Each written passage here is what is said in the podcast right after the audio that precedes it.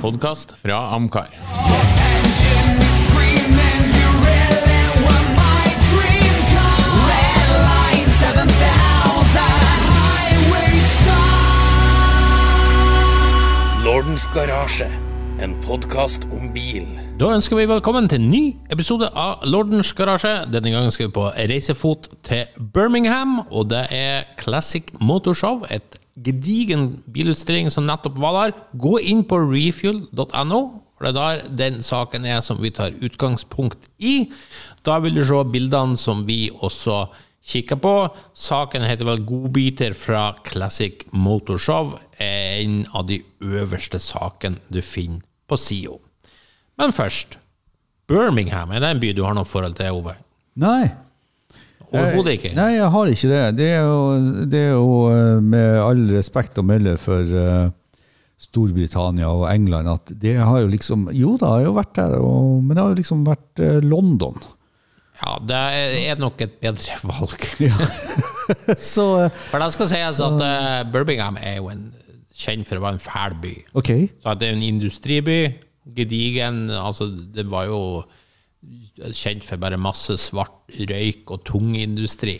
Betyr det at eh, er det noen er det noe engelske bilfabrikanter som har hjertet sitt i Birmingham? Der var det jo, ikke sant, i og rundt. Men all elendigheten, at alt er så skittent og fælt, er, er jo òg positivt. For det ga jo grobunn til min eh, favorittsjanger innen musikk, heavy metal. Oh. Black Sabbath. Det kommer jo fra Birmingham. Og de har jo også alltid påpekt at den eh, elendigheten, omgivelsene, var med å prege at de ville lage dyster musikk. Det var ikke noe man var happy for. Det var ikke noe 'Walking on Sunshine' i Birmingham. Nei, hvor er den, eh, var den irsk, den? I'm walking on sunshine. Nei, Katrina and the Waves. Ja, Ja, jeg bare de var Den var jo fra den. Birmingham. Nei, nei, nei. nei.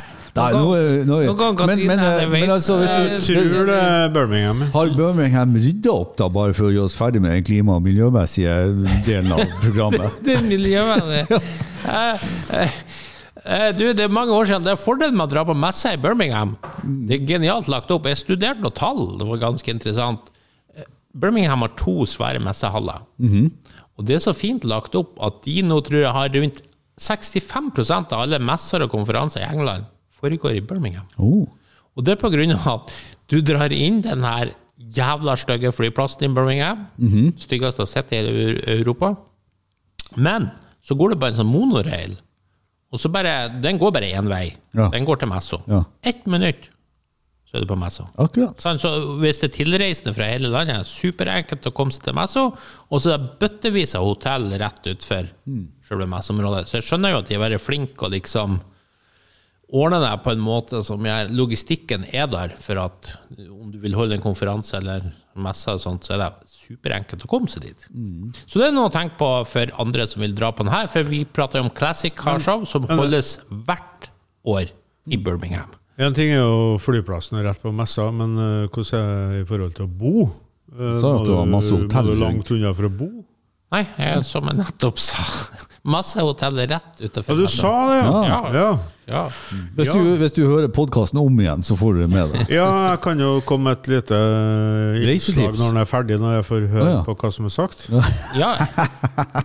Har du noe forhold til Birmingham, Bjarne? Ja, jeg har fått masse nå bare i løpet av de siste to minuttene. Men du har ikke noe utenom deg? Eh, nei, ikke annet enn eh, Katarina and the Waves, eh, som jeg antar er derfra. Det var litt musikk. Ja. Eh, ellers er jo de jo kjent for også selvfølgelig fotball, eh, og der så jeg jo, kom jeg jo på Birmingham City har jo aldri vunnet den øverste serien eller noe sånt, Men men de hadde jo til gjengjeld Chiver Francis var stjernespiller der på 70-tallet, til de fikk så dårlig råd at de måtte selge han til Nottingham Forest. Men han kjørte, Bjarne Trevor Francis, kjørte ikke han eh, SLC eller noe sånt? Nei, mer up your valley. Ok. Jaguar XJS. Ja, men han er jo en god mann. Ja, Stemmer og, det, når du sier det? Ja, og i dag, manageren for Birmingham, Ja. stor Aston Martin-entusiast og en sånn, eh, vil jeg si, gal Ja, jeg gallionsfigur for Aston Martin. Jeg holder med Birmingham City. du vet hvem jeg snakker om? Nei, men jeg holder med dem. Ja, det er Wayne Rooney. Ja, han er jo en trivelig kar. Ja. Ikke han Bentley-fyr, Ja. Aston Martin-mann. Aston Martin, ja. Ja. Du, Katarina Andreas fra Jeg har en Aston Martin for salg. Ring Rooney. Ja, uh, så jeg vil ikke asso bli assosiert med Rooney. Ah, sånn, ja. Du, um, Jo, han er jo kul. Nå føler jeg egentlig at jeg har fått nok påfyll av det Ja. sportslige. Nå går vi løs på saken. Å, det sportslige, ja, men ja. nå har vi dekka alt, tenkte jeg. Vi har dekka kultur og sport. Klima og miljø må du ikke glemme. Klima og miljø, ikke minst, det er viktig i disse dager. Har vi tikka av alle boksene som vi er programforplikta til å ha? Ja. ja. Eh, Første bilde fra messa i saken er to ungdommer som står foran en bil, og poenget er bare at engelskmenn er flinke med å ha ulike sånn instanser som ønsker å lære opp nye generasjoner til å jobbe med alt fra motorsport til restaurering av klassiske biler. Fornuftig satsing? Ja, i aller høyeste grad. For her, her snakker vi om altså, Oxford Universities. Hadde da, altså, har det som kalles for Oxford University Motorsport Foundation. Uh, og er det noe som jeg tror veldig Et veldig få utvalg av norske biljournalister eh, er litt bevisst på, så er det faktum at i Norge så er vi en av de få landene i den vestlige verden egentlig, som ikke har dratt bil inn i akademia. Og det har noe med at vi aldri har ja, ja, altså, jeg, jeg, det, Dette er bare en påstand. Vi, det har ført til at vi aldri har verdsatt det her med bil i Norge. Kanskje for at vi ganske tidlig så bil bare som et skattbart objekt, et luksusobjekt osv. Så, har vi ikke skjønt at resten av verden har jo ansett eh, bil som noe klokt. Noe som har vært med å bygge industri, noe som har vært med å bygge velstand, noe som har vært med å bygge landet ikke sant, og bygge muligheter. Og dermed så har det vært altså, Jeg tror vi har nevnt det før, men jeg sier det igjen. Når jeg drar ut i verden og skal møte folk fra bilfabrikantene, så treffer jeg doktor, doktor, doktor, professor osv. Du finner høyt utdanna folk i stillinger i bilindustrien. Og, og det gjør jo til at det har en helt annen eh, skal vi si, anerkjennelse å drive med kjøretøy i de landene enn det vi har klart, som jeg mener er litt av årsaken til at vi ikke har klart å etablere den samme anerkjennelsen i Norge. Og det, det er veldig synd, og kanskje spesielt i nå med skiftende tider, og nå blir det litt sånn politisk, men i skiftende tider der vi ser at Norge har på ny hatt anledning til å kunne ta det et godt jafs inn i verden av eh, moderne transport og samferdsel. ikke sant? For vi har alle forutsetninger som skal til rette for å være med og lage både vektløs teknologi og, og hardware til den nye typen kjøretøy som kommer, og ikke minst uttesting og prøving av, eh, av intelligente førersystemer, automatiske førerassistanse osv., som trenger å testes ut i sånne miljøer som vi kan tilby. Det er veldig synd at eh, man ikke har satsa på bil i akademia i Norge som på samme måte som f.eks. det her i, fra Oxford viser. Du te- tenker, Bjørn, er du enig i de retninger? Nei, altså, nå vet ikke jeg Nå er jeg jo litt sånn Motorsport Foundation her, da. Jeg vil jo tro at uh, man får litt opplæring i, i motorsport. Uh, og kanskje historisk racing, som det ser ut på bildet her, da, for at det er en eh, gammel Austin, eller hva det er for noe som er avbildet her. Eh, at man ikke bare tenker nyutdanna, høyt utdanna doktor, doktor, doktor, professor, som en Ove så fint sa, men uh, at man gir ungdom et tilbud og til å uh, på en måte utdanne seg innen bilhobby. Uh, det har vi nå i hvert fall ikke i Norge, Nei. for å si det sånn. Men, men Så- vi har et behov. Vi har Ja. et behov, så se og lær til Birmingham, Ja. sier jeg. Ja. Og så er det jo sånn at de er jo ikke akkurat cutting edge, for hvis jeg kan si noe som jo jeg helt oppriktig mener er jo litt sånn Det er jo litt sånn interessant å se på en, en sånn uh, beach-flagg de har stående på det bildet her, så det er Women's Drivers Social Ja, det Club, det- estimert 2023. Ja, det er neste bilde, faktisk. Oh, ja. Da leder du fint inn. For det flagget du ser, tilhører stand på sida. oh, ja. Og det er den eh, Women Drivers Social Club. Men det som er et lite interessant poeng bak det hele, det er at det vet jeg jenter ofte forteller når de kommer på et treff med bil, det er at de blir ofte oversett med bilen sin. Fordi menn kanskje på en måte går rundt. Og blir de spurt om noe, så tar folk det for gitt at det er kjæresten sin bil. Og i hvert fall ikke at dama sjøl verken kan åpne et panser eller kjøre bilen nærmest. Så de, de møter nok ofte fordommer på et nivå som vi kanskje ikke helt skjønner. Og det her, eh, som du ser her, det var en sånn klubb som da starta i 2023, nettopp for det. Bare damer skal møtes på biltreff og ha det morsomt se imellom. En god idé, eller er de med på å forsterke det skillet som allerede kanskje finnes? Nei, altså, jeg jo bare Jeg, jeg gjorde jo litt narr av det, ikke sant? for det var estimated 2023, liksom. Er vi ikke kommet lenger? Eh, og det kan jo være et spark både til jeg si, kvinnebevegelsen og, og, og likestillingsdebatten. For, at, for meg så er det her med kjøretøy ganske sånn kjønnsnøytralt i forhold til å kunne både ha, eie, skru, ha glede av å være med på. ikke sant? Men jeg, jeg, jeg er jo ikke ukjent med det du sier. Nei, det er akkurat det. Jeg er jo helt enig med Ja. deg, men vi vet begge at Ja, vi vet det, men jeg skulle jo ønske egentlig at det var en sånn kjønnsnøytral uh, sak, egentlig. Ja, I 2023 bør det være det. Ja, i 2023. Men bør det være. Uh, jeg tror de gjør det her for å faktisk uh, få litt oppmerksomhet rundt det, for å si det sånn. Jeg tror ikke det at nødvendigvis eh, skal ikke jeg skal passe ordvalget, men eh, kaklende kvinnfolk som går rundt i bare det på en bildeutstilling, det, det er ikke det de vil. Ja, men det er vel kanskje sånne uttalelser som gjør til at vi har det her skillet. Ja, ja nettopp. Jeg skal, så jeg skulle vokte meg. Ja, men, du klarte altså- jo ikke det. Nei, jeg klarte ikke det. eh, Men jeg har jo politiet rundt meg her, så jeg vet jo hvordan det er. Men, men jeg tror det er snakk om at de ønsker seg rett og slett litt oppmerksomhet rundt det. Kan det være en sånn barn av tiden, at det er litt sånn inn, inn altså det her med woke og metoo og diverse, at, at, at det er kanskje noen som eh, i overkant lett blir Altså overdramatiserer det her, og så Nei, huff, vi lager heller vårt eget biltreff bare for oss. Jeg syns det er vanskelig. Jeg, nei, men jeg, jeg klarer liksom ikke å komme opp av den grøfta som jeg datt i, som går på det her med kjønnsnøytralitet. For at det, det liksom, Skal du slå sammen eh, herre- og dameklubben 10-15 år frem i tid? Er det det du tenker? liksom? Det, er, det noe, er det noe annet å være interessert? Men jeg, ser det, det sosiale aspektet som kan bli litt sånn utfordrende eh, eh, når det er Altså, kjør til hobby, det er så vidt mannsdominert. Du ser jo at på motorsykkel så ser man kanskje enda større tendenser til at det samler sånne damegrupper. Um, men der handler det jo mer om kjøring. Uh, så jeg vet Men vi er jo litt ja. sånn i Norge òg av og til. Ladies Cruise. Det er jo vanlig på mange sånn Ja. type store Amcar-treff, f.eks. Ja, det er jo for å unngå at uh, mannfolkene kler seg i kjole og sånt. Nei, jeg du flåser bare. Uh, nei, ja, ja, vi gjør det, ikke sant? Så det, det, det, altså, det gjør jo ingenting, for du kan si det er jo ikke det er jo, det er jo, På en måte så er det jo ikke verre at eh, altså likesinna i, dette, i, dette, i denne forstand av damer velger å samles, som at du sier at 'jeg vil bare være i Mustang-klubben eller Opel-klubben'. Sånn, du vil bare snakke med dem som liksom snakker ditt språk. Så det, det er kanskje bare noe vi, vi eh, bare skal ønske velkommen. Og hvis det øker trivselen deres, så, så er jo det, det er bra. Men for mitt vedkommende så syns jeg jo det at det, det kjønnsnøytrale miljøet er det mest interessante.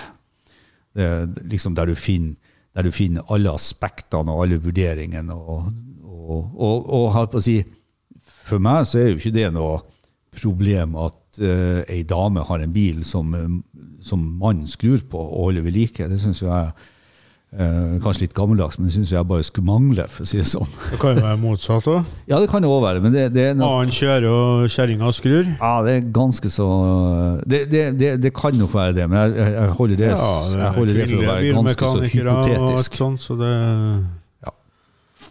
Ja.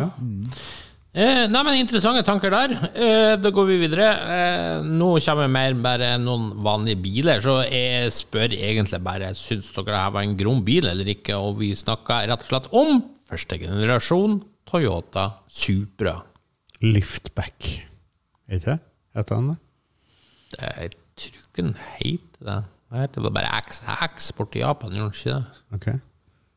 Men er det her tøft? Uh, Ove, du er jo litt på sånn uh, en del uh, Ja. mer udda japsebiler. Ja, ja, jeg syns det her er kanontøft. Og det er jo faktisk ikke en Japan-versjon, det er jo en Europaversjon. Så den er jo ikke høyrestyrt engang. Så nesten oppsiktsvekkende at det står en sånn en i, i England. Men det er vel for, kanskje for at de solgte ikke MK1 i England. Det har jo en sånn tendens til at Nei, da, da kommer de ikke, ikke sant? det, det Så- ble ikke solgt der, nei. det blir jo ikke en sånn, eh, og det her er jo en litt sånn forfina versjon. Jeg ser, eh, har litt sånn USA-tendenser med markeringslys og blanke eh, Det er vel en USA-import, tror ikke og fire single løkter. Så.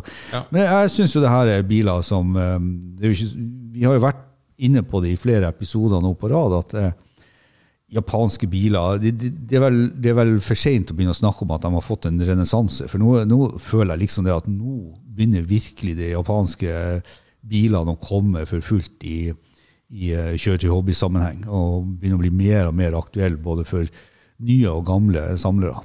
Eh, Helt klart, altså Når du begynner å komme opp på disse 70-tallsmodellene, når de virkelig begynner å dra på og, og lage litt sitt eget, og noen gang noen minikupeer og, og kopier av andre. Så alt blir interessant. Og så er det jo sånn at mekanisk, teknisk, så er de bra. Så, det er jo, så lenge du bevarer karosseriet og det er ikke rusta opp, så er det jo fremdeles solide biler å eie og ha.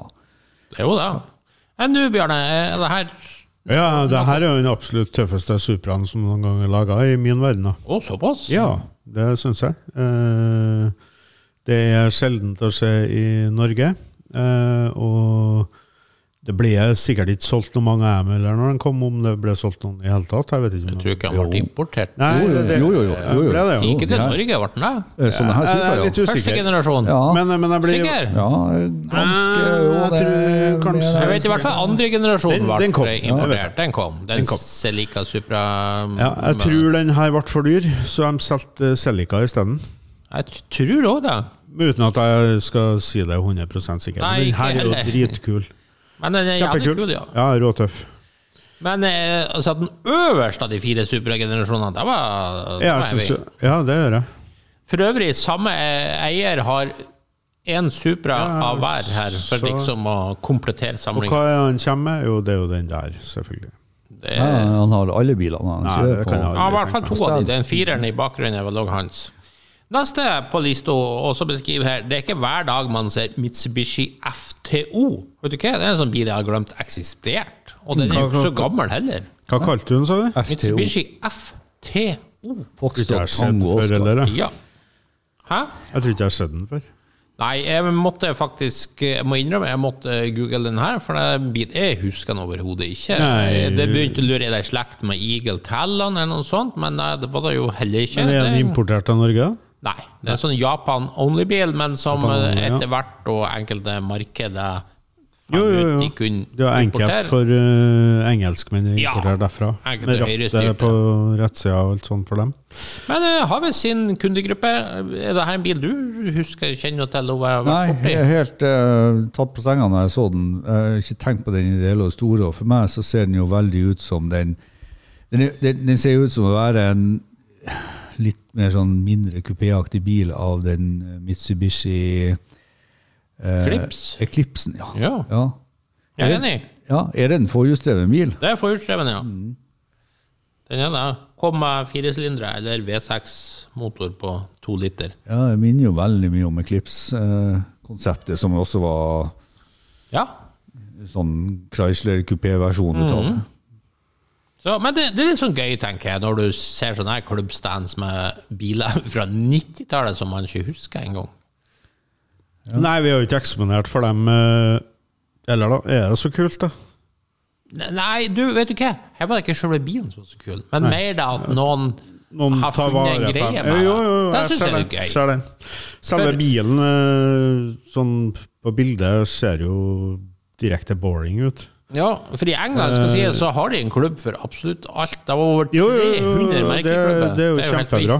Jeg trodde vi var størst i lag og klubber og foreninger, men eh, England er sikkert en klubb for eh, Ja, de har jo så mye rart sjøl òg, så um, Ja, det er kanskje derfor de Bristol-klubben med sine to medlemmer er var vel representert, dem òg. Vi, vi kommer tilbake til de. Mm. Uh, neste bilde er en uh, Ja, er vel stikkordet stance på den Selikan her. Og da spør vi jo der Stansmeister her, uh, Ove. Ja, nei, eh, altså det her Stance eh, Stans Stans Meister, Meister, ja. faktisk. Nei, det her standsmice er- er litt eh, For meg så er det litt sånn um, eh, 2000 and late. Uh, ja, det er sånn Jeg tror uh, ja, too much, syns du, eller? Altså, det det er jo, det er jo kanskje litt sånn smakfull, men, men det å kjøpe disse voldsomme bodykittene og, og skjermskjørtene og, og liksom male aksent i motorrommet og stå på og styre Det er en sånn Jeg, jeg, jeg, tror, jeg tror den måten å presentere japanske biler på er litt på vei ut, uh, rett og slett. Um, for her uh, her har man jo noen sånn folk racing-aktige felger, selv om det ikke er det. og så man, man prøver å hente igjen uh, litt. Grann. Men alle skjønner det at dette er en bil som det er vanskelig å kjøre med. Og, og det tror jeg, det, det tror jeg veldig, veldig mange har oppdaga med det stuket som var den gangen. Det her er sånn 20 år gammelt stuk i min verden. Men, men eh, for all del, noen liker det enda, og det er jo altså, arbeidet som er gjort. det er jo sånn. Men eh, jeg er kanskje ikke den fyren som eh, liker så veldig mye in your face add-on. Jeg liker jo litt mer subtile ombygginger og sånt, og tror jo det at veldig mange av de her karosseriene står seg bedre med mye mindre ombygging enn det denne bilen representerer. Less is more. Ja, for at du må se på den, den, den Er det fjerde generasjonen som liker det her, Jeg er litt usikker nå? Ja, Den har veldig sånn kline linjer. Den holder alt veldig tett. Og så det å begynne å bygge den voldsomt ut Ja, du kan si det at det er litt sånn um, um, altså du, du vil ha den her sjokkerende biten ut av det, men jeg syns ikke du får det, får det til. Og jeg forundrer meg om hvordan denne bilen egentlig ser ut forfra, for at den eh, frontmasken av det som ser, det ser ut som et voldsverk i min verden. Det ser ut som en sånn Jurassic Park-skulptur, egentlig. Ja. Ja, Hvem er det som er Jurassic Park her nå? Er det bilen, eller eh, er du her nå? oh. Brannfakkel. Ja, Jeg skjønner hvor du vil. Ja, ja, ja. For, eh, jeg, jeg skulle til å si til deg, Bjarne, har den her noe å gjøre på et classic motorshow? Nei. Har ikke det, vet du. Men uh, Men er det pga. bilen er for ny, altså- eller er det den jeg, stilen jeg, som jeg liker jo ikke dette her, Uh, men jeg, jeg er imponert over uh, Hva skal jeg kalle det? At man tar en sånn forholdsvis ordinær Celica og gjør den til sin egen. Det er jeg imponert over. Ja. Det skal de ha kred for. Eller eieren, da. Men den passer kanskje bedre i mørk bakgate i Birmingham enn på et classic? Ja, det er både òg. Du ser noe, det er noe Supra generasjon 4 i bakgrunnen der òg, så det er kanskje litt sånn at classic blir mer eh, Altså biler i England eller generelt ellers blir classic før de blir det her i Norge. Ja, Sånn som. Porsche for eksempel Ja. opererer jo med 996-en. Det er jo eh, absolutt klassiker deres. eh, 997 kanskje har blitt òg nå, ikke sant? Mm. Mens vi da kaller det nærmest en moderne Porsche. ikke sant? Ja. ja Så- tida, så- tida går fort. Ja, og så tror jeg Jeg tror eh, du trenger ikke nødvendigvis å være 30 år, som vi ofte hegner til for å kalle det en classic. Nei. For øvrig så syns jeg det er gøy med at uh, det her er jo da fra Celica-klubben. Mm. Og så tenker jeg man tåler helt fint en mer moderne sånn standsbil. Det syns jeg bare er en sånn fin utfordring til Ja, ja. Altså, Altså, det vanlige men, eh, klassikerfolket. Men eh, det er sikkert dem som syns det er helt topp. Og dem skal vi ikke glemme. Nei, vi skal jo ikke det. Det er mye unge folk som går rundt på de messene. Ja, det er akkurat det som er. Eh, neste bil på lista er kanskje Ja, den er vel i utgangspunktet kanskje ikke så ungdomsorientert, men samtidig så er det jo gjort en del endringer her òg. Det er en 1957 Chevrolet pickup i en knallgul farge. Vi ser jo tydelig at det er gjort en del modifikasjoner her òg. Eh, Sto på stand til et amerikansk bilblad, for øvrig. Eh, American Classics heter det vel. I England. Ja. Ja. Ehm, Det er stort magasin, det. Ja, det virker som de har en del borti der. Altså, de hadde vel jeg tror sånn åtte-ti biler på standen sin. Det var en svær stand. Ja, ja. Og så størrelsen på standen sier ofte noe om hvor stor den organisasjonen er, for å si det sånn. Ja, ja, ja. Hvis du er sånn supernisjeblad, Så har du så, så har du ikke så stor stand. Selv om klubb, klubbstandet er, gratis. Så, ja. Nei, eh, altså jeg vet jo at amerikanske biler er jo stort i, i England òg. Selv om det er svært få du får med rattet på rett side for dem, da, så er det en stor greie. Ja. Og det virker som som om større, eh, de henger eh, altså, Vi går kanskje litt eh, ikke motsatt veier, men, men den bevegelsen med amerikansk bil i Europa den virker å bli større og større. Mm, den gjør det. Jeg, vet, jeg tror det er en viktig årsak. Amerikansk bil er enkelt og koster ikke så mye. Hvis du tar en sånn vanlig klassiker. Nei, nei, nei. Og det, det tror jeg har Det har, en eh, bred appell. Det har en bred appell. Jeg, jeg har en annen sånn teori også. Det er jo det at veldig mange av disse landene eh, har jo egentlig hatt sine egne biler som de har kunnet holde på med. Ja. Og så blir det på mange måter det, det blir, det blir på, en, på et vis uttømmende. Og så blir de mer og mer interessert i andre sine biler, bilkulturer osv. Så, videre. så jeg tror det også har med å gjøre at uh, Jeg er jo- enig i at England tilsynelatende ser ut fra et voksende miljø og interesse for amerikansk. og uh, Apropos det her med rattet på rettsida og ikke. På amerikanske biler så ser det definitivt ut som at det må være på venstresida. Altså vi må andre si at de har en høyere verdi enn dem som er konvertert og har høyrestyring. Eh, og, og man ser det andre plasser i Europa også, at det er amerikanske. Men, men da må vi ikke glemme det at der har jo amerikansk vært nesten ikke til stede, bare i et lite, lite nisjemarked ikke sant, før. Og nå ser man at det tar opp oss. Og, så det er nok det kan ha litt med at eh, euro og dollar og den biten der har vært litt sånn fordelaktig over lengre tid. Er det ikke lenger nå, nå er de mer likt, men husk det at eh, euroen var eh, ganske lenge mye sterkere enn dollaren. ikke sant? Så det var, var nok rimelig for dem å hente biler fra USA på et tidspunkt. ja. Og så registreringsbestemmelser, ikke minst. Ja, så tror jeg, tror jeg kanskje det at eh, Ja. Uh, Ove er jo inne på at de hadde sine egne biler å sysle med.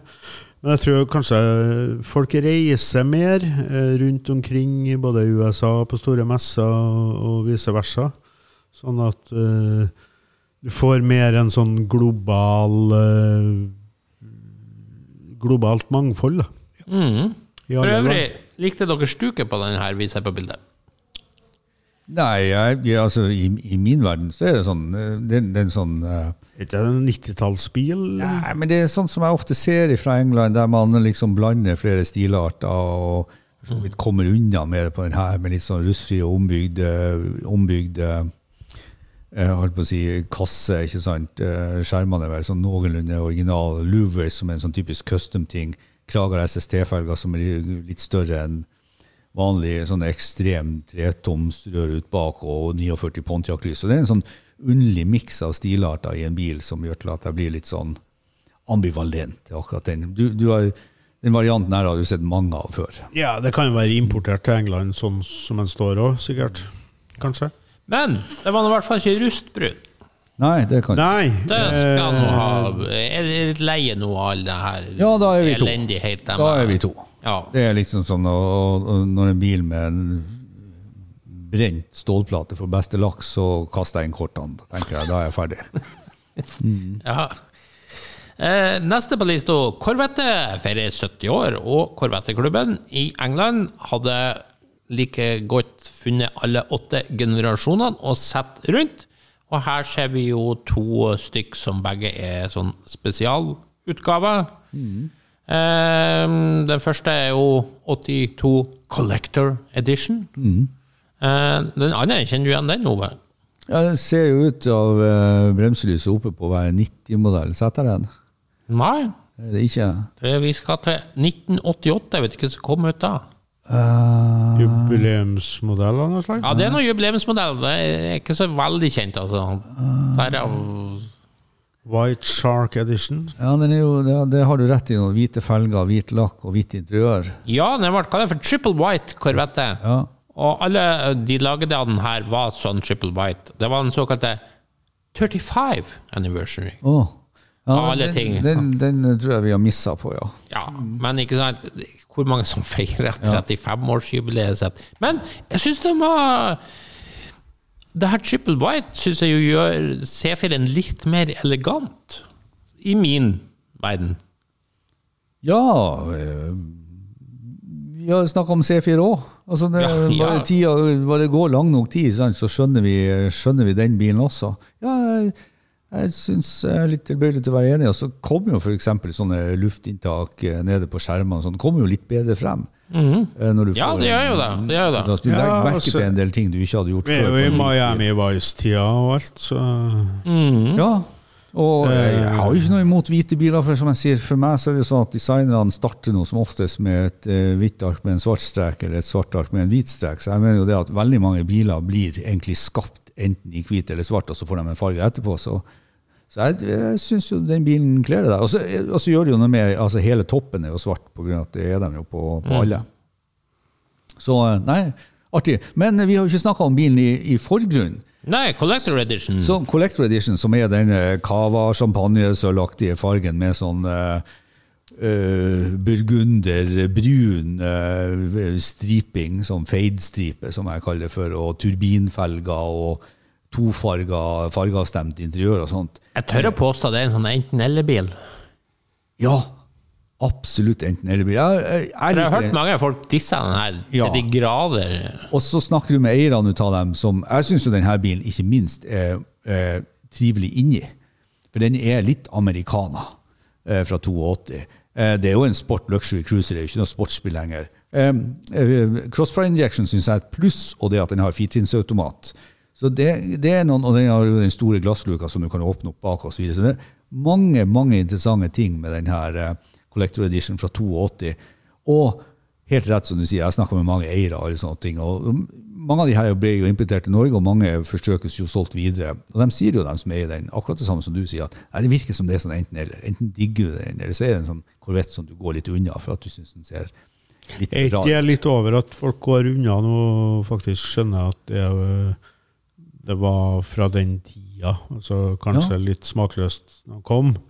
Litt too much, og så har det i dag blitt det det faktisk heter. Collectors car. Ja, altså, jeg, jeg tror det, altså. Ja, jeg synes, jeg har aldri likt den der før, men jeg syns de er kule nå. Ja.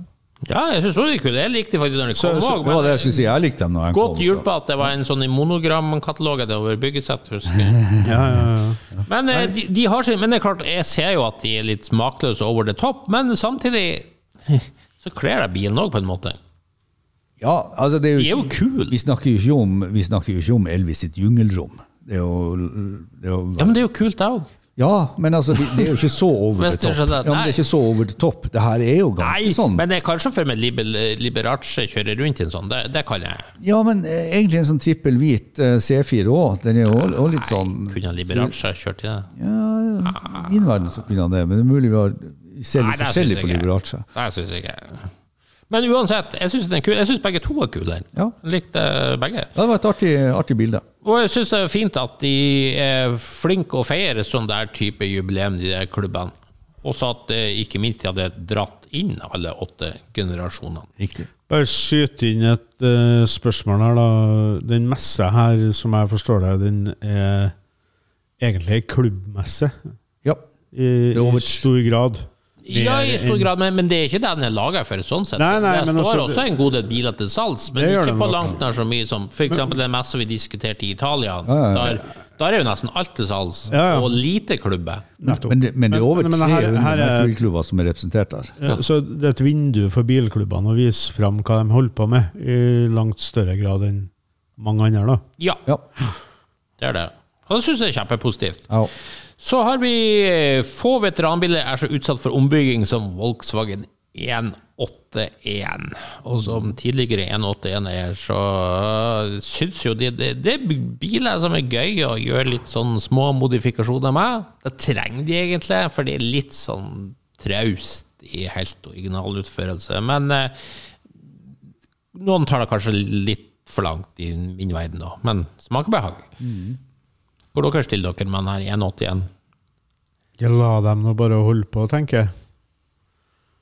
En bil som kler ombygging, eller? Ja, altså, du ser på en militærfarge her med sølv cookie cutters fra Porsche, så tenker jeg at eh, det var jo helt feil. Eh, men samtidig så var det litt kult allikevel.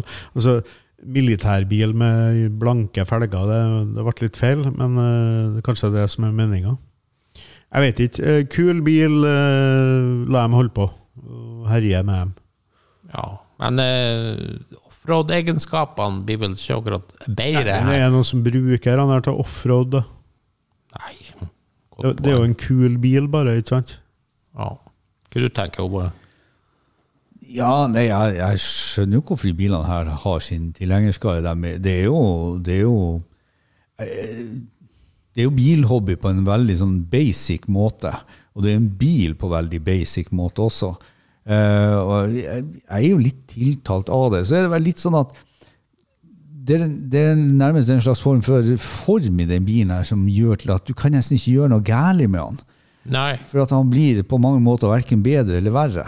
det er et godt poeng. Altså, så, så, så det er jo kanskje det som er it-faktoren med, med denne eh, 181. At egentlig han tåler å bli gjort masse masse med. Og hver gang jeg ser uh, forskjellige avarter du, du, du kan jo se alt ifra sånne beach bum-utgaver ikke sant, til drag race-utgaver til enda mer offroad enn offroad. ikke sant, Og så uh, miks og match innenfor denne stil. Det, det som kanskje er litt sånn make or break for meg, det er det som faktisk er med alle de tre bilene som står på dette bildet. Det er at de klarer å holde setene sine under beltline på bilen. For at Med en gang du begynner å dra setene opp over beltline, så drar du den bilen her i et sånt moderne preg som den ikke krever, som den ikke tåler. Så den tåler egentlig mest bare sånn retro-greier. Og du ser Fuchs-felger og Porsche-felger og litt sånn der. Det, det liksom går igjen på dem. Sånn, men alt i alt så er jo det største utfordringa med denne bilen her er jo motoriseringa. Det er jo der den absolutt burde ha vært eh, forbedra. Og så er det selvfølgelig det at hvis du ikke skal ha den til offroad og bare til vei, så kvitt deg med den her eh, omformer, altså den portalakselsystemet. Ja. For det gjør det jo helt håpløst. Yes, eh, vi får bare kjøre på her. Eh, Neste er enkelt og greit bare spørsmålet. Syns dere det her var kult? Det er en illsint Renault Twingo der eieren har bygd den såpass om at den har også plassert motoren i midten. Ja, det er jo, her er jo helt altså gir jo, altså, Det er jo ikke det at Twingoen gir, gir mer eller mindre mening, men det her er jo sånn at en Twingo å gjøre det med å, å gjøre egentlig det samme som Renault gjorde med Clioen, som var hakket større, og så bare dra den tilbake og lage en sånn eh, Renault Motorsport eh, livering på den. og alt sånt. Jeg syns det var livery, unnskyld. Jeg, jeg synes det var kanontøft. Så det der er jo absolutt stilig. Ja, det syns jeg òg var kanontøft. Den du, Bjørne? Ja, helt enig. Eh, Men alle vi er vel sånn som liker Twingo helt original òg, eller? Twingo er tøft. Ja. Jeg, jeg har jo litt eh, eh, Jeg har jo litt reservasjoner mot den, for at jeg tenker det at det holder ikke bare at du lakker den i morsomme farger. Det må være noe mer. Og jeg har ikke klart å finne noe mer enn morsomme farger på Twingoen i originalstand. Men jeg har jo skjønt at jeg er i et mindretall. Ja, fair enough. Så har vi en raritet. eh, En 1991 Manx KitKar bygger på en 2CV-plattform. Det finnes neppe så mange igjen av den her. Eh, Bjarne, gøyalt eller bare tullball? Nei, det her er gøyalt. Får sånn Bert Håne-feeling på den. Uh, at det er Bert Håne som har uh, Du, det kan jo være enig med deg eh, Ja, i hvert fall gjort bakdelen på den. Jeg tenkte ikke på Ja. Det er jo litt sånn Sagato-front også, fra Aston Martin. Ikke? nei, jeg det? syns det var kult. Eh, hvor kult det er å gjøre det på en 2CV. Altså, du, du har jo en bil som ser ut som den skal gå litt fort, og det gjør den jo ikke. Så jeg Nei, det er ytelsene Vi har valgt en annen plattform, da. Ytelsene vil jo være katastrofale. Ja. Ja, du ser jo blant annet, eh, du blir jo ikke akkurat overbevist på at bilen skal gå så fort når du ser 135-hjulene på den. Nei da, men uh, ja, bilen var kul, den. Så eh, ja da. Nei, men eh, det, det, det var sånn småartig. Men uh, her er jo England på sitt eh, beste og verste. Alle de kitkarene som finnes. Ja, de er glad i KitKar. Ja, veldig. Og, Det er jo ingen land som tror jeg har laga så mange Nei, det er, ulike ingen, det er ingen land. Nei. Punktum. Det er England. Og det jeg sier på sitt verste og på sitt beste, for at mye bra oppstår jo som kitkar eller et ønske om å ha en annen bil, og så blir det noe bra ut av det til slutt. Her er litt sånn Og jeg, jeg får litt sånn spunk når jeg ser Egentlig, som dere sier, ja, det er kanskje en hyllest å si at bilen kunne ha vært en sånn Pininfarina-tegna sak. Men ikke, ikke langt unna. Litt sånn Bertone også, kanskje, på eh, XC9 osv. Men så har du altså vært på, eh, på eh, den engelske tilsvarigheten til eh, Jula og kjøpt deg noe sånn her fjærbelasta stroppe til å holde glassfiberpanseret nede, som er montert ut på skjermene. Ja. Det ser jo bare helt uh, natta ut. Eh, Ja. Bare det alene å ha en sånn dusslås eller et eller annet sånt som hadde gjort det litt mer kledelig, hadde jo egentlig kunne ha klassa denne bilen inn. Og så er det sånn, litt sånn enkle påskrudde speil og sånne ting. Men ellers er det jo artig, artig bil. Ja, artig påfunn. Ja. Eh, apropos artig påfunn, neste for alle oss som eh, elsker heisommer, i hvert fall den første. Beachbuggy med tilhørende Altså, her er det spreke farger, og så har man gjort stand litt morsommere med et haiangrep, liksom. Ja. Eh, til fotografen så vil jeg si at du har tatt, feil av, du har tatt bilde av feil beachbuggy, for det er jo den rosa bakom du skulle ha tatt bilde av. Du, jeg var mest interessert i å ta bilde av haien. Ja, jeg skjønte det. Ja, haien. Det er, Nei. jo- det er en rosa som er tøff. Ja, den rosa er tøff. Nei, jeg syns begge var kjempetøffe, Ja, da, faktisk. Det, det er det. Eh, Du, er det noen større motor bak i den som eh, Fikk du med deg det? For den, den ser jo ut som den er litt sånn forlenga i Ja, hekken. det, det husker jeg ikke. Det er vanligvis et men tegn på at de kanskje har putta en, eh, en boksesekser av et eller annet slag. Ser litt mer sånn offroad ut enn uh, hvite og oransje. da. Ja. Jeg, har jo betegna det her som under livepodkasten som vi hadde og flere ganger, som uh, altså, i- av alle de bilene som folk går og slenger rundt seg om med livets bil, så har jo jeg kalt Beachbuggen for livets bil. Og det er jo ingen tvil om at Beachbuggy har en uh, renessanse. Nå er jeg på andre gang med renessanser på ting. Men uh, det er jo ingen tvil om at folk har oppdaga Beachbuggy igjen. Og den har jo litt det samme som uh, Thingen, altså 181. At den, den, du kan gjøre den til en sånn sand dune-buggy, du kan gjøre den til en asfaltracer, du kan gjøre den til en custom-bil, du kan gjøre det til en beach-buggy som den er. ikke sant? Du, du, du kan gjøre den til så mye, og den, den tåler veldig masse. og Den, den tåler farger, den tåler monokrom, og den tåler store felger og små felger osv. Kjempeartig bil. og jeg tror denne her følelsen eh, La meg si det sånn at det er jo ingen tvil om at for meg så ville det jo ha vært mye mer interessant å holde på med en, en Beach-boogie med Volkswagen-motor enn en uh, Thing, altså 181. Ja. Men du, Bjarne, du er jo verken offroad-mann eller boblemann, men beachbuggy, det er det Jeg er boblemann og boblemann. Ingen har hatt så mye bobler som meg. Nei da, eh, den rosaen har det klassiske tøffe stuket, syns jeg. Den oransje og hvite ble litt for eh, froggy for meg, altså. Jeg tror faktisk jeg likte den oransje og hvite best. Ok. Nest etter haihodet, da. Jo, jo, jo. Nei eh, Nei, jeg ser ikke for meg at jeg driver og kjører ned i Korsvika med noen av dem her, egentlig. Nei. Korsvika for dem som ikke er lokalkjente. Nei, strand i Trondheim, da. Det er Norges svar på hai som er fire. Ja. Ja, det er det. Eh, neste, The Beast. Jeg har skrevet sak om egen fø sak før om på Refuel. Det er jo da den berømte bilen som ble laga på 70-tallet med en gedigen 27 liters V12, kom i Guinness rekordbok, verdens raskeste gatebil osv. Ble saksøkt av Rolls-Royce pga. man brukte en eh, Rolls-Royce-grill og sånt. Ble solgt på auksjon tidligere i år. Nå har den nye eieren gjort to ting. Én, han har lakkert den. Nå er den plutselig da sånn grå og sølv. To, han satt på Rolls-Royce-grill igjen. Tydeligvis ikke redd for nye søksmål. Ja, eh, tidenes kanskje råeste gatebil. Ja, det er tøffe greier. Er bare tåpelig i dag. Bjørnar? Jeg, jeg vet ærlig talt ikke.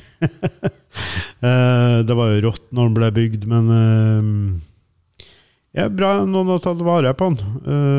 Det er jo en, et barn av sin tid. Av en gal manns ideer. Så Men den er jo ikke verken vakker eller noen ting, så Hvis vi tar utgangspunkt i at uh, som det er, at det er en 27 liters motor, så, så er det jo galskap, rett og slett. Så jeg skal hylle det. Men det ser faen ikke ut. Nei. Ove?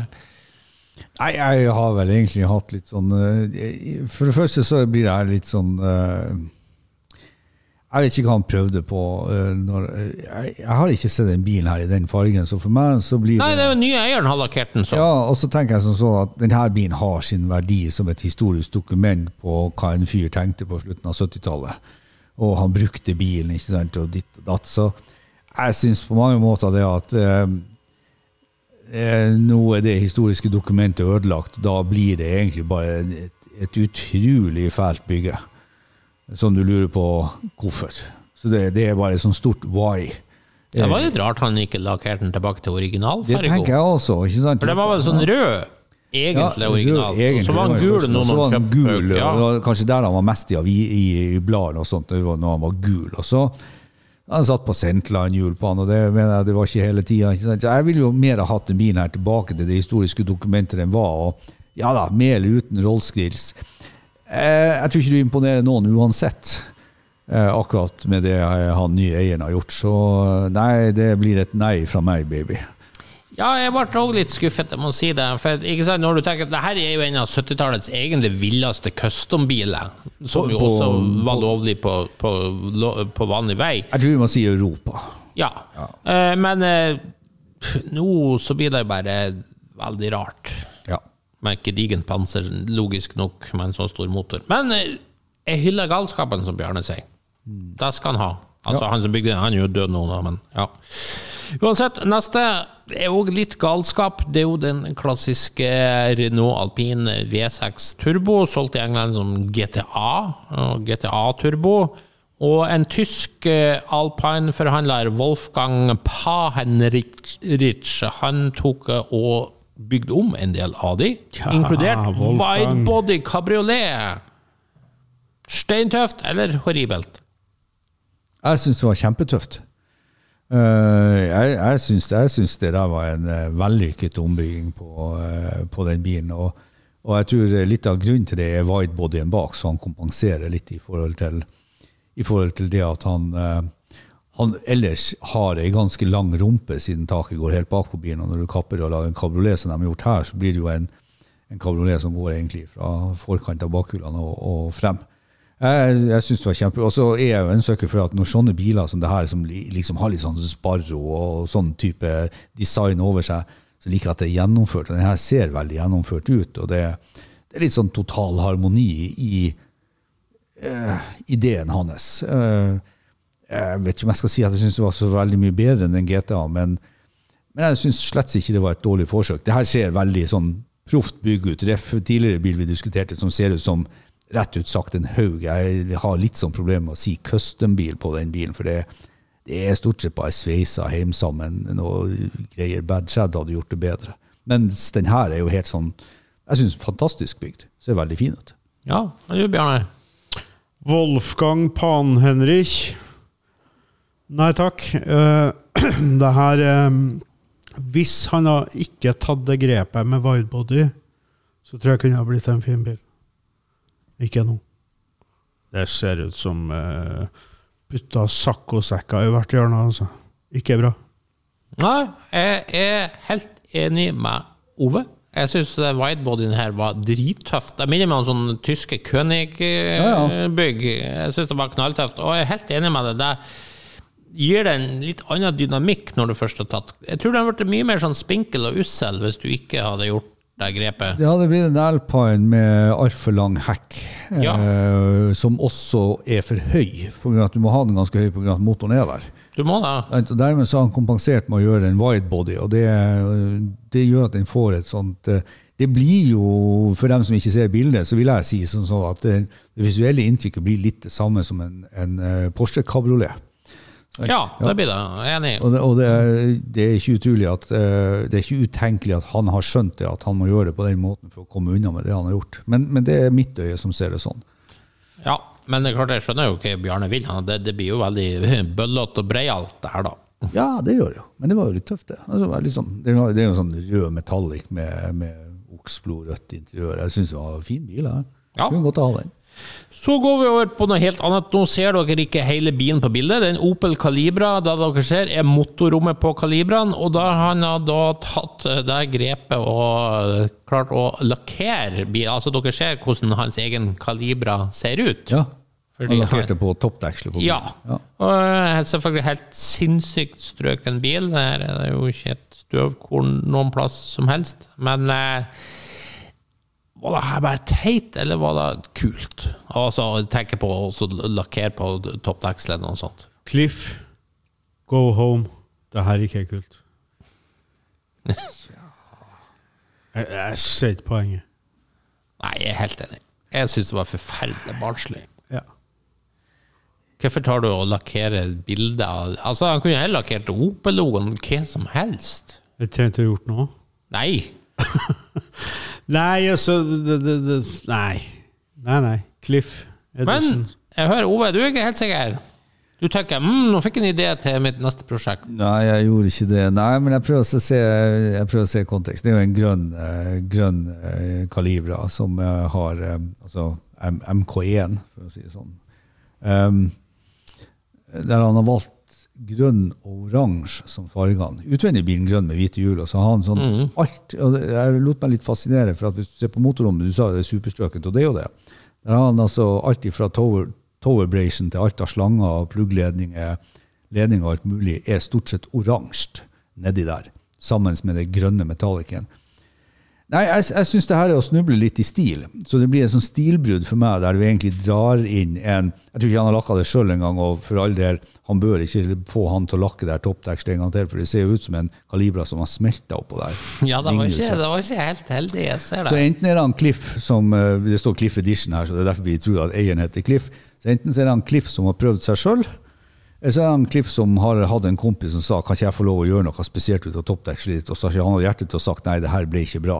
For det er akkurat det det ikke gjorde. Det ble ikke bra. Eh, alle de her tribal-mønstrene eh, som er, for dere som går inn og ser på bildene Hvis hele toppdekselet hadde vært der med sånn hvit og oransje og rosa tribal over hele, så hadde han kommet unna med det i min verden. Men akkurat det her, som nesten blir en sånn Sånn 70-talls Kunne jeg limt på et bilde av bilen i stedet, med eh, teip? Ja.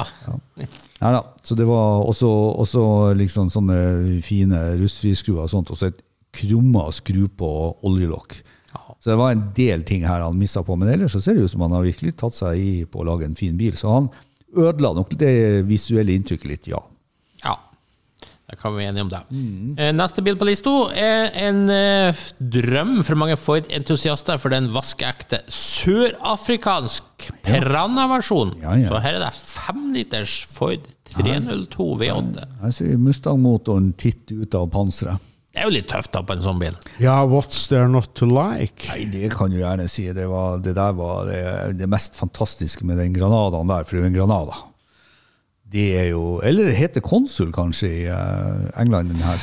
Den her heter Eh, nei, det er vel variantene eh, okay. dyr og billig som avgjør det, tror jeg. Ja. Nei, men i Det er variantene. Eh, Det, det er vel noen utstyrsvarianter som skiller konsul og Granada. Ja, jeg husker aldri ikke nei, men, i England hvem som var konsul og Granada. Nei, jeg tror de hadde begge deler i England, ja. Ja, de hadde Ja. Ja, de hadde sikkert det. For de hadde, det her var i hvert fall også For du hadde kon- konsul konsul. og Granada i Tyskland òg. Ja. Det, er- det er noen utstyrsvarianter. Ja. Nei, for Det som var mest oppsiktsvekkende med den her, bortsett fra motoren, da, for det er jo selvfølgelig litt oppsiktsvekkende å se med originallevert V8 og aluminiumsradiator og sånt, det, det ser ganske sånn heftig tøft ut i en sånn bil, er jo det blå vinyltaket. ja. Blå bil med blått Ja, det var drittøft. Det er stilig, altså. Så det der var Det der var, det der var en liten sånn skjult liten gem, en liten høydare inni den billedserien der, å se en sånn bil. Det, det må jeg bare innrømme. Det er første gangen jeg har, eh, har liksom jeg si, snakka med noen som har sett en sånn en. Altså, jeg har sett dem på bilder, men, men jeg, Raka veien til Johannesburg, gutter. Nei da, det, det er ikke akkurat sånn, men, men det var stilig. Jeg, jeg, jeg kan gledes over sånne biler. Ove, en time fra nå. Hvordan importere bil fra Sør-Afrika? Rett på Rett på. Ja, det var tøft. Eh, så har vi et eh, litt annet bygg, rett og slett. Et Restomont-bygg i form av en 1962 Ford Consul 375 Deluxe, som man har gjort masse moderne oppgraderinger på. Ford Scorpio, motor, luftfjæring osv. Ja, ble det her en søt liten sak? Eller? Ja, det var akkurat du tok de to ordene ut av munnen. Søt liten sak. Eller, ja. Ja, så du, du, Ja, ja, ja. du syns i likhet med meg den kledde litt? Er litt koselig. Ja, Men takk. Ja. eh, gutter, bare se. Når du, når du gjennomfører i en stil, og du gjennomfører det, mm. så er jo det her bevis på at du kan ta nesten hva som helst og komme godt ut av det. ja, for så vidt. Det for det her er for dem som vi, eh, nok en gang vi får prøve å forklare. Dette er jo da en 50-talls custom-utgave av en 62 Ford Consul. Som jo kanskje, hvis vi skal prøve å beskrive formen på den, så er det ikke sikkert det hjelper at jeg beskriver den på den måten, men det ser jo ut som en trekvartsskala 55 Ford. Mm. Ja. Så det er en liten, kort bil med sånn som engelskmenn gjorde, kort akselavstand og kortere enn alt. ikke sant? Så det ble... Så den ser jo, eh, med all respekt for de originale sånne, men de ser jo ikke ut i måneskinn. Og så tar han da og gjør alle de custom-triksene som er i boka fra 50-talls, 40- og 50-talls customene i USA, med både fargevalg, totone, eh, diskkapsler, whiteside deck, og som du sier, moderne understeller, tuck and roll-interiør osv. Det funker, jo, det funker jo som snus. Det er jo helt fantastisk gjennomført. Eh, Smoothie bumpere, og han har noe sånn her eh, Marshall-lykte med sånn pupp på. Alt er, alt er bare tøft. Og det, det beviser bare det at vet, vet du, hvis du bare klarer å, å gjennomføre den stilen du begynner med, kan du nesten lage hva som helst. Folk kommer til å ikke nødvendigvis ville ha den med hjem, men de kommer til å gi deg anerkjennende nikk på at det der var bra. Ja, det er faktisk en få sjeldne ganger vi tre alle er enige på en Ombygd altså, ombygd veteranbil. En klassiker. Ja. Ja. Og alle syns han kom unna med det. Eh, Neste er en superflott som beskriver Middlebridge Skimitar GT.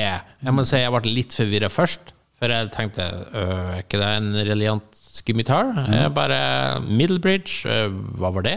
Jeg kan ikke si jeg husker. Eh, De hadde heldigvis store infoskilt i bakgrunnen bak bilen, ser dere. Og kort forklart så kjøpte Middlebridge opp rettighetene til Reliant Skimitar i 1987, og så leverte de en langt mer påkosta og raffinert bil enn det Reliant hadde klart de neste årene, sjøl om egentlig så var jo tidspunktet for Altså, denne bilen så jo ikke moderne ut i 1987, for å si det sånn, men jeg hadde en liten kundegruppe noen år, og Middlebridge leverte tydeligvis noen biler. Så hva ta meg, Reliant Vanden Plass. Ja, på mange måter er det jo det. Men ta meg, for det første så kan jeg jo bare komme med én sånn plump kommentar med en gang. Eh, Det er jo mye finere med en original skimitar enn den der eh, The Beast-skimitaren. For det Beast ser ut for meg som en, en skimitar med fire meter lengre panser. Uh, anyway. Jeg syns jo det her er en bil som for meg har et stort slektskap til eh, Lancia HP1. Ja, absolutt. Så jeg synes det at hvis du tenker på årstallene og sånne ting, yes, det var jo ikke så, var ikke så passé. Eh, og det gjør jo ingenting om den får litt fanden for at eh, det gjør jo bilen bare mye bedre. Jeg syns det her er knalltøft. Jeg synes jo Det er jo bilder av to biler her, det er jo bilder av flere, men det to du ser på bildet. Det er en grønn, og så ser du en sånn gullfarga en med sånn sardintak, som jeg kaller det for. Rulletak. Det er knalltøft. Kunne jeg godt ha tenkt meg. Ja, jeg synes også det er knalltøft, absolutt. Men jeg tenkte mer på businessideen. I 1987 så kjøpte opp rettigheten til en bil som ser jo ikke moderne ut lenger, altså i en verden med Ford Sierra Taurus og sånt. Så Nei, men, eh, Men, men tror du ikke de her leverte biler på følgende basis? Jeg kunne tenkt meg en sånn bil, når kan jeg få den? Nei, men vi kan starte på den nå, og når må du ha den? Ikke sant? De, de bygde jo en av en bil til dem som skulle ja, ha ja. den. Og det er klart det var jo en viss sånn kundekrets som Ja. eh, Kanskje venner og venninner av prinsesse Anne som jo hadde en sånn. Så, ja.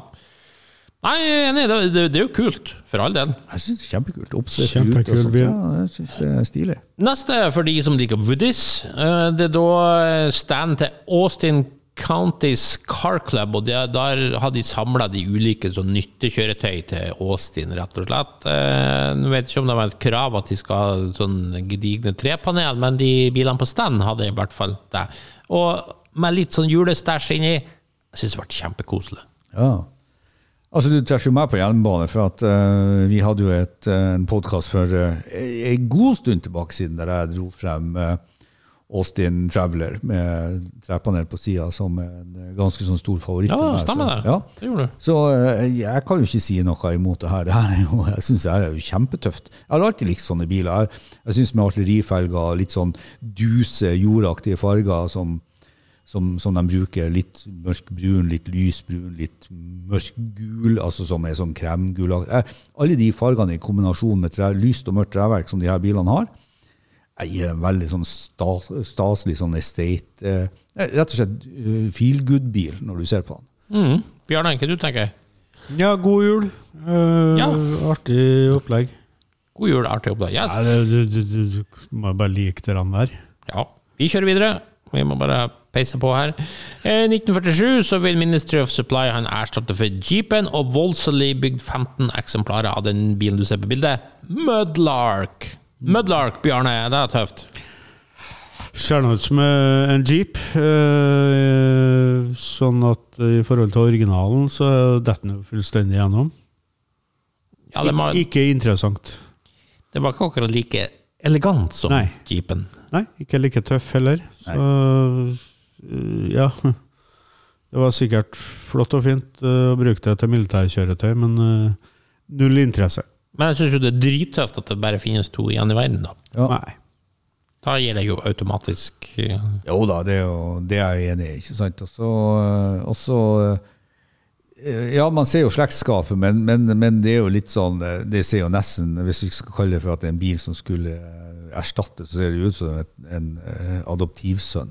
Men Ja. jeg, jeg blir mest fascinert når jeg ser på den bilen, for den er jo urstyk. Advarsel Advarsel til folk som går inn og ser den er urstygg. Eh, Men det er jo mest fascinert altså, de, de voldslig tenker ja, vi må få det til å ligne litt sånn. Ja, Jeep har liksom de sju åpningene i grillen. Hva om vi tar fem? Ja. Sant? Ja, jeg, jeg ble bare trist. Ja, men uh, gøyalt allikevel. Så er det en bil man ikke vet eksisterer. Så hvis du vil ha litt stil når du går bort Her er da Monty, en Land Rover 101 Forward Control lik-bil.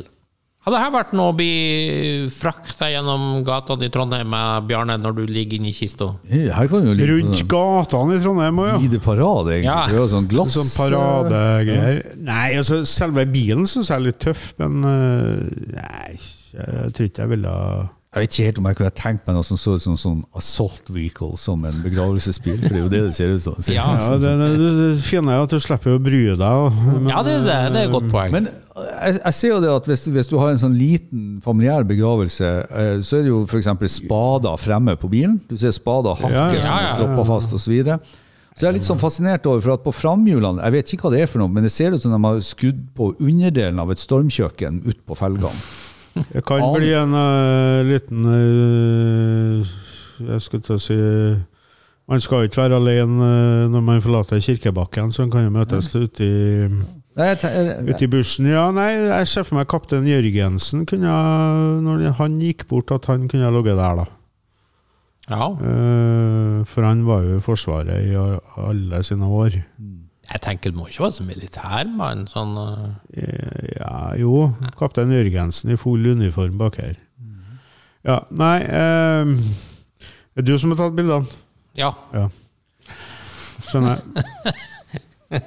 Rest my case, var det du skulle si. Next. Nei, jeg sa ingenting. Oh la la! Ja, nå er vi nett Nå er vi virkelig overline. En nydelig 1971 Lotus Europa Twin Cam. Vet du ikke, Jeg har aldri sett den før inn der Fargo Det er kanskje ikke Jo, den er original, den ikke? Ja, jeg mener at du kunne få hvert fall en, farge som ligner en sånn Ja, jeg mener or jo- orkidéaktig. Jeg Jeg, tror den er sprita litt opp her, men den, den, fin, altså den lyseblå over mot fiolett. Ja, jeg syns den kledde bilen noe helt Og sånn kremfarga skinninteriør, vet du. Og der. Vet du, Jeg har aldri fått så lyst på en Europa før i hele mitt liv som når jeg så den der. Jeg falt På grunn av spoileren fram, sikkert.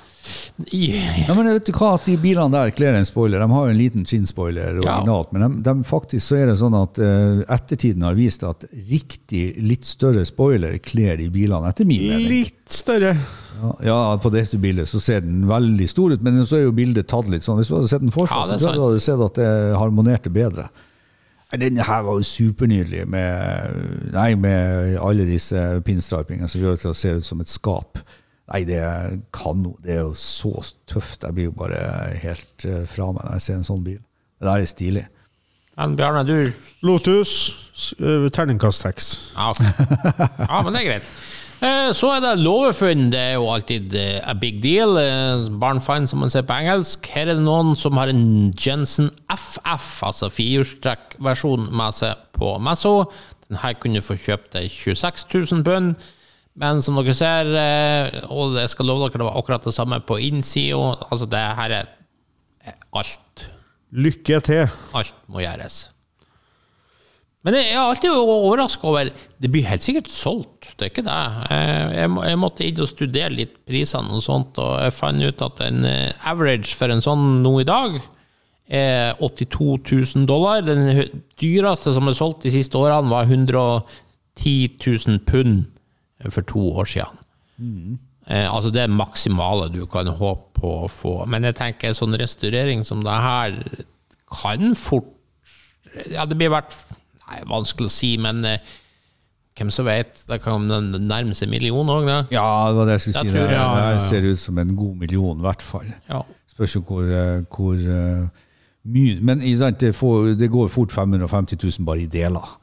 Ja, det gjør det. Eh, og så- hadde du helt sikkert fått en kjøreklar en, la oss si for 800 000 da, Ja. kroner, ikke Ja. sant? Jo da, men, men, men det her er jo mer Men det er, sånn- jo, er ikke det fascinerende med en bil som du ikke liker bakruta på? ja, så, Det er jo utfordringer i å få den her på veien igjen, som, som tirrer folk, da. Ja, det vil jeg tro. Ja, men jeg tipper at de som kjøper den de, de, altså Det her er jo sånn spesialistarbeid, så de gjør, det er neppe for de skal gjøre det sjøl at det er den gleden ved å tippe alt blir satt bort. Noen, ja, ja, men altså det, det er noen som kjøper sånt for å, å, å ska, altså, på en måte redde bilen. Ja, Nei, men og det er jo bra. Jeg, jeg, kunne, jeg kunne ha funnet på den rett og slett for, som du, Bjarne, sier, at det er bare utfordringer med å gjøre den.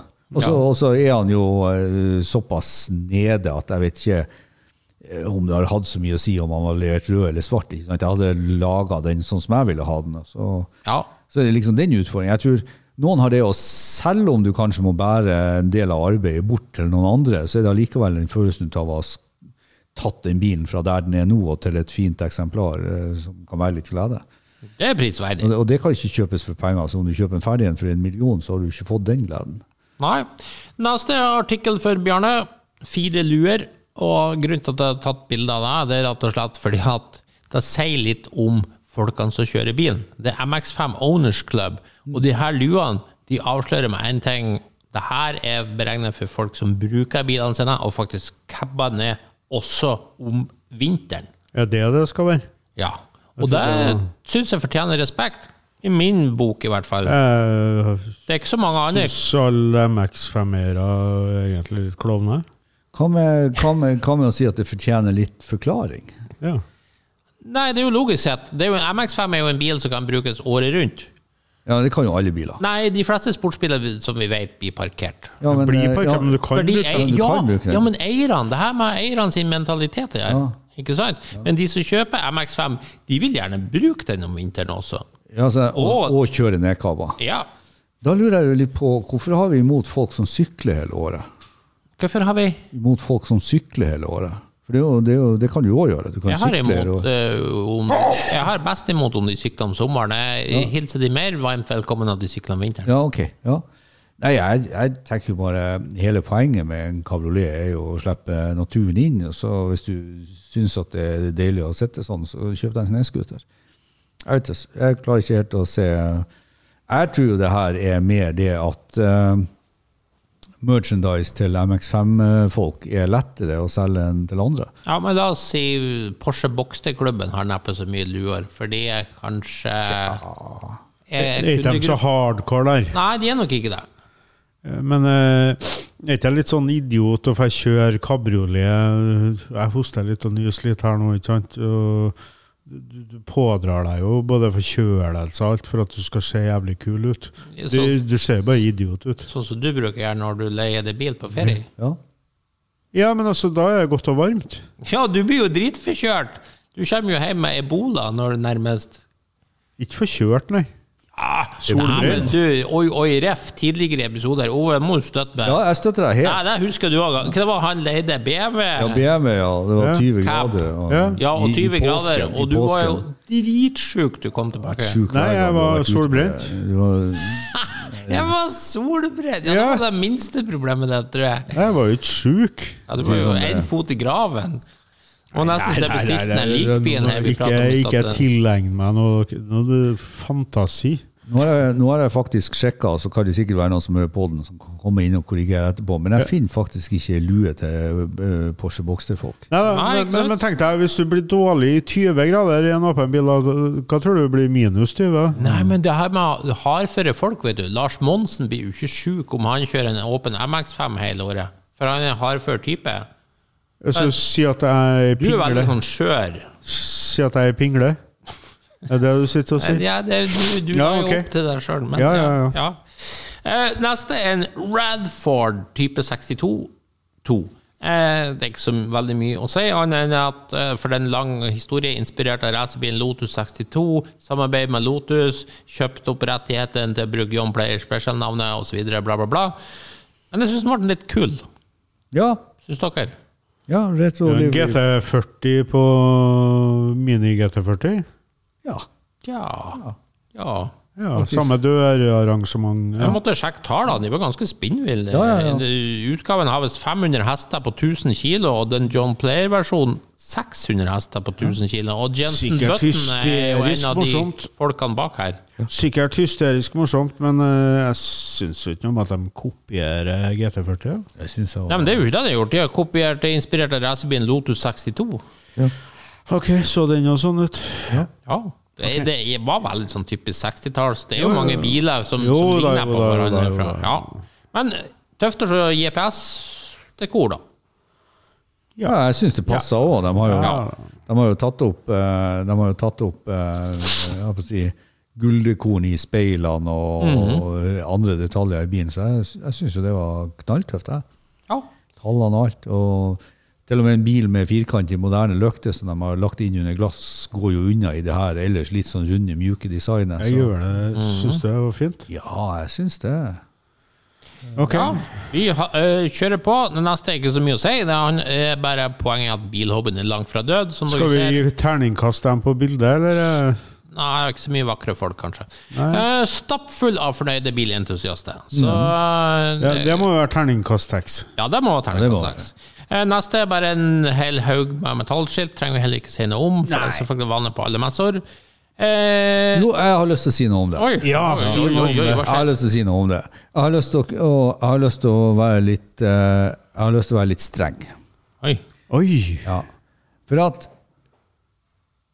de, Altså Hvorfor er det så mye skilt som skal eh, være nyprodusert i Kina med en sånn eh, patina og slitasje på? Uh, og så tenker jeg at folk kjøper dem og så tenker de at nå har jeg kjøpt meg et uh, skilt som ser litt sånn gammelt ut. Nei, du har kjøpt deg et helt nytt skilt som noen har lurt deg til å få til å se gammelt ut. Det, det er litt sånn irritert når jeg drar rundt i garasjene og ser alle som liksom har hengt sånne helt sånne nyproduserte skilt som ikke har noe med gammelt å gjøre. Er sånn som en pickup som er rustmalt? Men, men der? skal liksom se så gammelt ut, akkurat som at det var noe de skrev eller avbilda eller gjorde på den tida. Det var jo ikke det, ikke sant? Nei, men eh, Jeg er, vel litt på sånn, på eh, gang, så sånn, det- sånn patina-pickup-land? At du har en fin en og rustmaler den? Jeg har sett mange av skiltene har litt sånn rust, men jeg tenker det er bare en sånn motegreie. Det- Ja, er det mote? Det skal, jo se ut som det har hunget lenge. Men jeg skal fortelle dere en litt artig historie fra London i, i eh, Hva heter det? Ja, samme. Eh, der var det sånn s- skiltsjappe som hadde sånn blekkskilt og metallskilt. Men de hadde alle sammen ut for at de skulle bli patinert på en ordentlig måte. De sto ut. Så var det sånn gjerde, og så ikke Ja. kom inn. Ikke sant? Det var litt, det var en litt annen variant. Ja, jeg foretrekker jo skilt uten noe patina, jeg da, men jeg vil bare ha et skilt. Enkelt og greit. Ja. Eh, neste er bare for å vise at det var masse motorsykkellag, og her ser vi en eh, ganske så lekker Suzuki Katana. En- Det er vel ikke noe Husker du Katana, Bjarne? Litt oppstyr rundt når han kom. Ga- Nei, jeg kan ikke si det egentlig. Jeg husker navnet, men jeg kan, jeg Det var et veldig sånn drastisk design. Jo, men det der for meg var det på den tida der, så var det en sånn motorsykkel som ikke var motorsykkel. Den du veit kjørte Katana. Hvem? Marius Müller. Ja, den du veit, ja. Mm. Ja, han gjorde det, kanskje. Så neste, eh, det syns jeg var litt ironisk, nærmest. Eh, Det er en stand, eh, det er den britiske Ford GT40-klubben. Åtte biler på stand, ok, men jeg tror man var den eneste sånn klubben i historien der ingen har den ekte varen. Alle åtte var replikker. Litt sånn bisart fenomen, er det ikke? Eller bare Ble det sånn?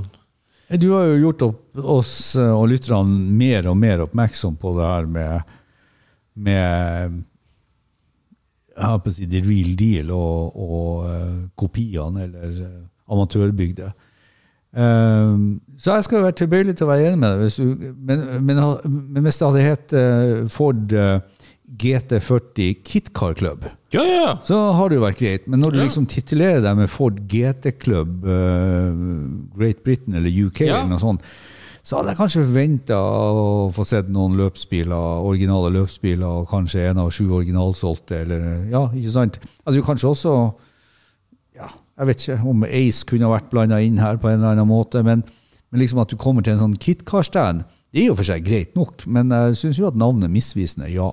Ja.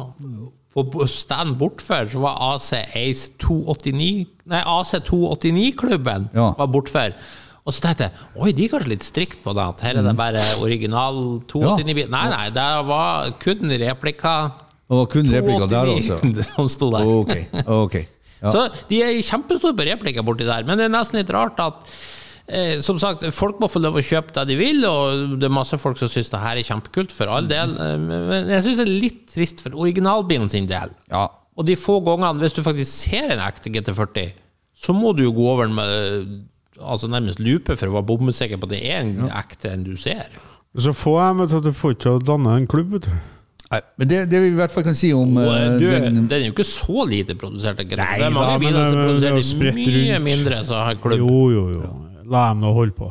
Ja, ja, ja, for Ja, all del. ja, det var bare Vi, vi tenkte det er, litt, det er jo litt morsomt, det er en digresjon nærmest. Eh, Så skal det sies at eh, de har jo én fordel, de som bygger England. Det er jo det at de er jo selvfølgelig da høyrestyrt alle sammen. Det er sant. Så, så sånn sett så er de jo litt nærmere originalen enn veldig mange av andre som er venstrestyrt. da. Ja, for det kan vi ikke ha noe venstrestyrt GT40-replikker. Nei, da, da er liksom sånn, da er det KitKar. Ja, ja det er jeg faktisk enig i. Neste bilen som jeg tror vakte mest oppsikt eh, på messa, mange har sett den før, for den står på Bewley-museet til vanlig. The Slug på folkemunne, altså den her Sunbeam 1000 HP. Jeg har ikke tid til å ta hele historien, men satt i hvert fall landspeed record i 1927. Ja. Og nå driver man da et sånn doneringsprosjekt fordi man skal prøve å renovere de to motorene som er inni her. Det er jo to V12 flymotorer bilen har. Eh, De har stått i stille ganske lenge. Det er mye rust og mye elendighet nede i de, så de skal prøve å restaurere de, sånn at folk kan få høre The Slug gå for egen maskin igjen. Sannsynligvis da på Goodwood eller noe sånt et år. Ja, det der er jo milestone-bil eh, som er verdt å ta vare på i aller høyeste grad. Ja, Få inn penger. Fyr ja, opp. ja, få inn penger. Syns det er Fyr kjempetøft. opp. Gå inn på nettet og doner, sier jeg. Ja, ja. Nei, sånn, sånne prosjekt er kult. Det var jo, eh, det var jo eh, Det er jo litt sånn som uh, The Norwegian Flyer. Ja, Det er jo det at den bilen er vekk til livet. Det er jo liksom det som liksom er den store greia med den bilen. eh, Utenom Det, historien. men det blir det jo her òg, hvis de får den i gang med motorene og alt. ja. Og kan tenke deg oh, det må være fantastisk Ja, lyd når kan det du er to V12-ere som kanskje ikke er helt uh, synkron, Som, Ja. uh, det må jo være Ja, ja, når du tenker på eh, Altså, det, det her er jo et stakittgjerde. Det er jo et stakittgjerde, tørkstativ, som de har tredd noe plate over, som de har perforert med louvers ikke sant, for å samle så mye luft under. Så de har jo skjønt såpass Ja. om å få alt det ut. Og så er det jo da eh, bakaksel. Eh, nei, det er kjededrift. Sant? Og gjorde over 330 km i timen, eller hva det var han gjorde, eh, i 1927. Så det er jo helt eh, det, det er jo helt spinnvilt. Og det er jo selvfølgelig en captain et eller annet. Henry Seagrave, ja.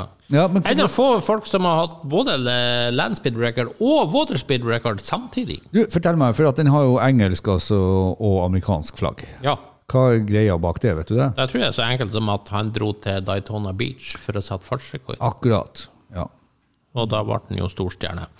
Yes, men vi er alle enige om det var et kjempetøff bil, og et kjempetøft sånn Ja, ja, innsamling ja, kjør på. Kjør på. Og det neste er en mann da som har tatt og uh, Vi kan si det sånn, han er over gjennomsnittet glad i Aiton Senna, som jo var en viktig person for å utvikle Honda NSX.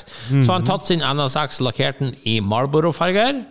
Svært bilde av Senna på døra, og har også en Senna kjeldress, altså lignende Ja, sjøl. ja, ja. Eh, tøff hyllest, eller gått litt for langt? Nei, jeg syns ikke den har gått for langt. Har du nå først en sånn fan-greie, så kjør på, sier jeg. Hva du tenker over? Nei, det, du vet jo det at jeg, sånn der morbid greie har jeg ingen sansen for i det hele og store. Du kan like godt samle på neglene til Elvis, ikke sant? Eh, Det, nei, for meg så er det her bare skrekkelig. Jeg ville aldri ha gjort det. Altså, jeg kunne, Jeg ville ha gjort det, eller, men jeg syns det, det er kult at noen drar den så jeg, langt. jeg syns det er trist at det blir sånn heltedyrking på den måten. Det har jeg Jeg, jeg, jeg klarer ikke det. Tenkte jeg, tenkte jeg ikke sant, i GT40-verden hvis vi skulle ha sett 30 GT40-er med sånn Ken Ja, men du, Miles-kledning over hele veien. hvis det var en av som- replikabilene i stad, syns jeg det var helt greit. Ja, ja, men Du altså må jeg, huske det er en veldig sjelden racerbil, så det blir ikke helt rettferdig jeg, sammenligning. jeg syns ikke det. ikke sant? For, for meg så hadde det holdt at det var sånn in memory of uh, Ayrton Senna, eller noe sånt i, i eh, blå og grønn. En eller annen plass på bilen. Ferdig med det. Men liksom når du, når du liksom er sånn relikviesamler, da detter jeg av. Nei, jeg er jo ikke det. Jo, det er akkurat det han er. Du skjønner sikkert hvor det står hen. Ja, du er stikk motsatt. Jeg syns det her var drittøft. Og eh, hvis jeg hadde hatt en NSX sjøl Jeg ville mye heller hatt den, den her enn en hva som helst vanlig NSX. Det har ikke jeg ville ha, men jeg syns det, jeg synes det bare er deilig at folk går så opp i ting. Ja, og så til og med med en sånn kjeldresak. Ja, Hvor ja, kult er ikke det? ja. For å si det sånn at du kjører rundt som en undertaker i ei gravstøtte. Det er ikke noe tøft. Det Nei. er folk som liker Volvo 240 òg. Ja, Men uten å ha Per Gyllenhammer sin eh, dødsannonse på Jeg sida sier på ikke døra. det. Nei, så, så for meg så blir det en sånn undertaker med, med ei rullende gravstøtte. Er Liker ikke folk som, eh, som drar den helt ut. Jo. Nei, nei, men vi er jo forskjellige. Ja. Vi er jo forskjellige. Nå er det sånn der. Ja, bra argument. Eh, neste filmstjerne. En panter de vil, brukt i filmene 101 dalmatinere og 102 dalmatinere. Superskurken Cruella de Vil. Mest geniale skurkenavnet ever. Der man klarer å kombinere cruel og devil på en sånn finurlig måte. ja. Panter de Vil har vi diskutert før. Eh, Så vidt jeg husker var den ene eneste som elska den bilen. Ja. 70-tallets nest dyreste bil. Dere er fortsatt i hatgruppen. Hatmodus. Eh, Forferdelige greier. Ja da. Men uh, her passer han jo inn som en, eh, en karikert figur i en film. Uh, og, men det er jo det med disse uh, hva vi kaller for neonklassikerne. Det er jo det at det er så karikert at enten liker du det, eller så liker du det ikke. Men altså, i denne Ja, men- konteksten ikke sant, så Men passer bilen er jo altfor snill til den slemme dama. Nei, jeg synes Den ser jo ikke Jeg syns det passer perfekt. jeg ser, jeg ser jo de har sånn der ja. board av og Cruella de Vil, Ja. som liksom ser sånn ordentlig trivelig ut, egentlig. ikke sant? Så er jo ei heks. Men eh, nei, Det anyway. en sann drøm å døtte han sånne ute i Nidelva. Oi, oi, oi. Nei, nei, nei. Bjarne, da. Det var veldig slemt sagt. Ja, eh, Cruella. Ja, nå var du de Vil. Var det. Eh, så kommer vi over til den siste, og før vi kommer dit, så kan jeg også si at det kommer til å dukke opp eh, Hvis du går på refill øverst, så står det noe som heter blogg. Da kommer jeg også til å legge ut en sånn favoritt fra messen. Og der var det en Bristol som jeg faktisk trodde kom til å dukke opp i denne diskusjonen, Bjarne. Husker du jeg sa tidligere vi kommer til det? Ja. Men jeg vil jo ikke, for, vi for at ikke eh, den hadde jeg tatt der. Sorry, sorry.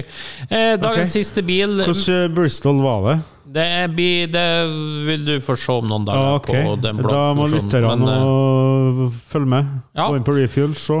Eh, siste bil MG Maestro Turbo. Det er vel ikke en bil som mange kanskje har tatt vare på fra 80-tallet. En sånn quick pocket rocket. Det var vel Men- ikke, eh, var vel ikke bestselgeren i, Norge, eller? Det tror jeg. Nei, men uh, det her er da en bil som eieren har lagt ned enormt med arbeid og penger i for å få den. Gørstrøken sto på Maguire sin stand.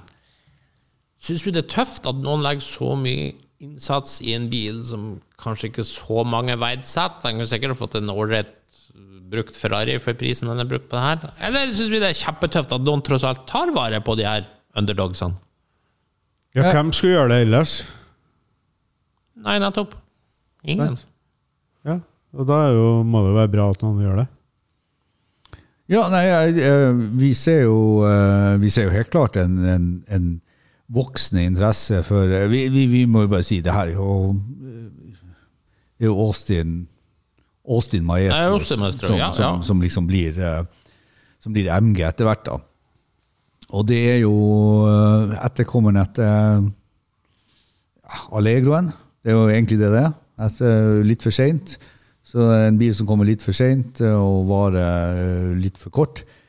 Men eh, hovedpoenget er at mer og mer folk begynner å restaurere de her bilene som var sånne autosite-biler før. De var jo egentlig veldig populære når de kom. Solgte bra. Eh, jeg tror ikke Maestroen var til salgs i Norge i det hele og store. Allegroen var jo det, men, men ikke MG. Og MG er jo kanskje mer kjent for Metroen. Eh, og spesielt siden det ble en, en gruppe, eh, sånn gruppe A-bil ut av det i rally. Men eh, nei, jeg syns jo det her er kjempetopp. Og så eh, har jo jeg prøvd meg på litt lignende øvelser. Jeg har jo disse K-karene som jeg liker. Jeg har jo den Plymouth Arrowen som, som jo er autosite-biler. Og er det én ting som jeg i hvert fall opplever med de her bilene, det er jo det at eh, skitbiler som går utrolig mye sund, hvis du skal ha dem til å bli i tipp topp stand, så kan det mange ganger være en mye større utfordring enn å restaurere, som du var inne på, klassiske amerikanske biler, klassiske engelske biler, klassiske fransk, italiensk, som du har lett tilgang på deler til. De her bilene ble jo på mange måter produsert for å gå sunn, og når de var sunn, så oppbevarte de delene i fem år, og så heiv de dem. For det var, det var ingen verdi i noe. Nei. Skal du begynne å finne tak i det. Så for meg så virker det her nesten som en sånn ny trend som er dukka opp. At du skal ta disse supervanlige skitbilene som ingen ser lenger. Og dermed så skiller deg jo litt ut, og så oppdager du underveis at oi, det er jo en kjempeutfordring, det her òg. så jeg blir jo rett og slett eh, litt sånn glad når jeg ser sånne biler som det her, Ja. som er i sånn stand. Ja, vi òg. Som er i sånn stand. Ja. Sant? Eh, for det her, er, det her er ingen no-brainer å restaurere. Det er ikke som å ta en, eh, det er ikke som å ta en Opel Manta. Altså. Nei, og du får jo garantert igjen halvparten av pengene ikke sant, som du måtte ha lagt ned i Og det er jo det andre som jeg syns er så klassisk bra. Du skjønner med en gang at du har med en entusiast å gjøre. For han har, han har aldri vurdert hva den bilen her er verdt etterpå. Nei. Han vil rett og slett bare sette den i stand til å være det historiske objektet den er, så alle folk kan se hvordan det her var. Og jeg tipper at mange som gikk rundt på den messa, fikk en sånn jøss, det her var jo en litt kul bil, egentlig. Helt klart. Så det syns jeg. Det Ja, da, en da, tenkte jeg sjøl òg, for det var en sånn bil jeg hadde glemt. MK Maestro Turbo. Så liksom, oi, 150 hester, greier. Ja, Hva ser ja. han ut som? Ja, Han ser ut som en engelsk versjon av Masta Mazda 323. Ikke sant? Ja, hvis du ser fra sida, så ser han ut som en mini 3-turing E30. Kan jo også være, ikke sant? Så Nei, det, det er jo ikke noen sånn lekker bil, men, men man blir litt glad for at uh, Autosite, som du sier, blir tatt vare på. ja, absolutt. Så eh, er det vår eh, oppfordring for i dag. Ta vare på Autosite. Ja, Ja. for det er ingen andre som gjør det. Nei. Og så er det fint nytt for de som har etterspurt eh, litt lengre episoder, for den her ble jo snart en og en halv time. Så for de som har etterlyst litt lengre episoder, så håper jeg dere ble fornøyd med det. Da takker vi A for denne gangen. Hvis du likte det du hørte på, gjerne gi oss en eh, femstjerner på iTunes. Ellers følg med på Refuel for masse spennende bilstoff. Og husk at du kan nå oss på Facebook-sidene både til Lordens Garasje og Refuel. May the force be with you.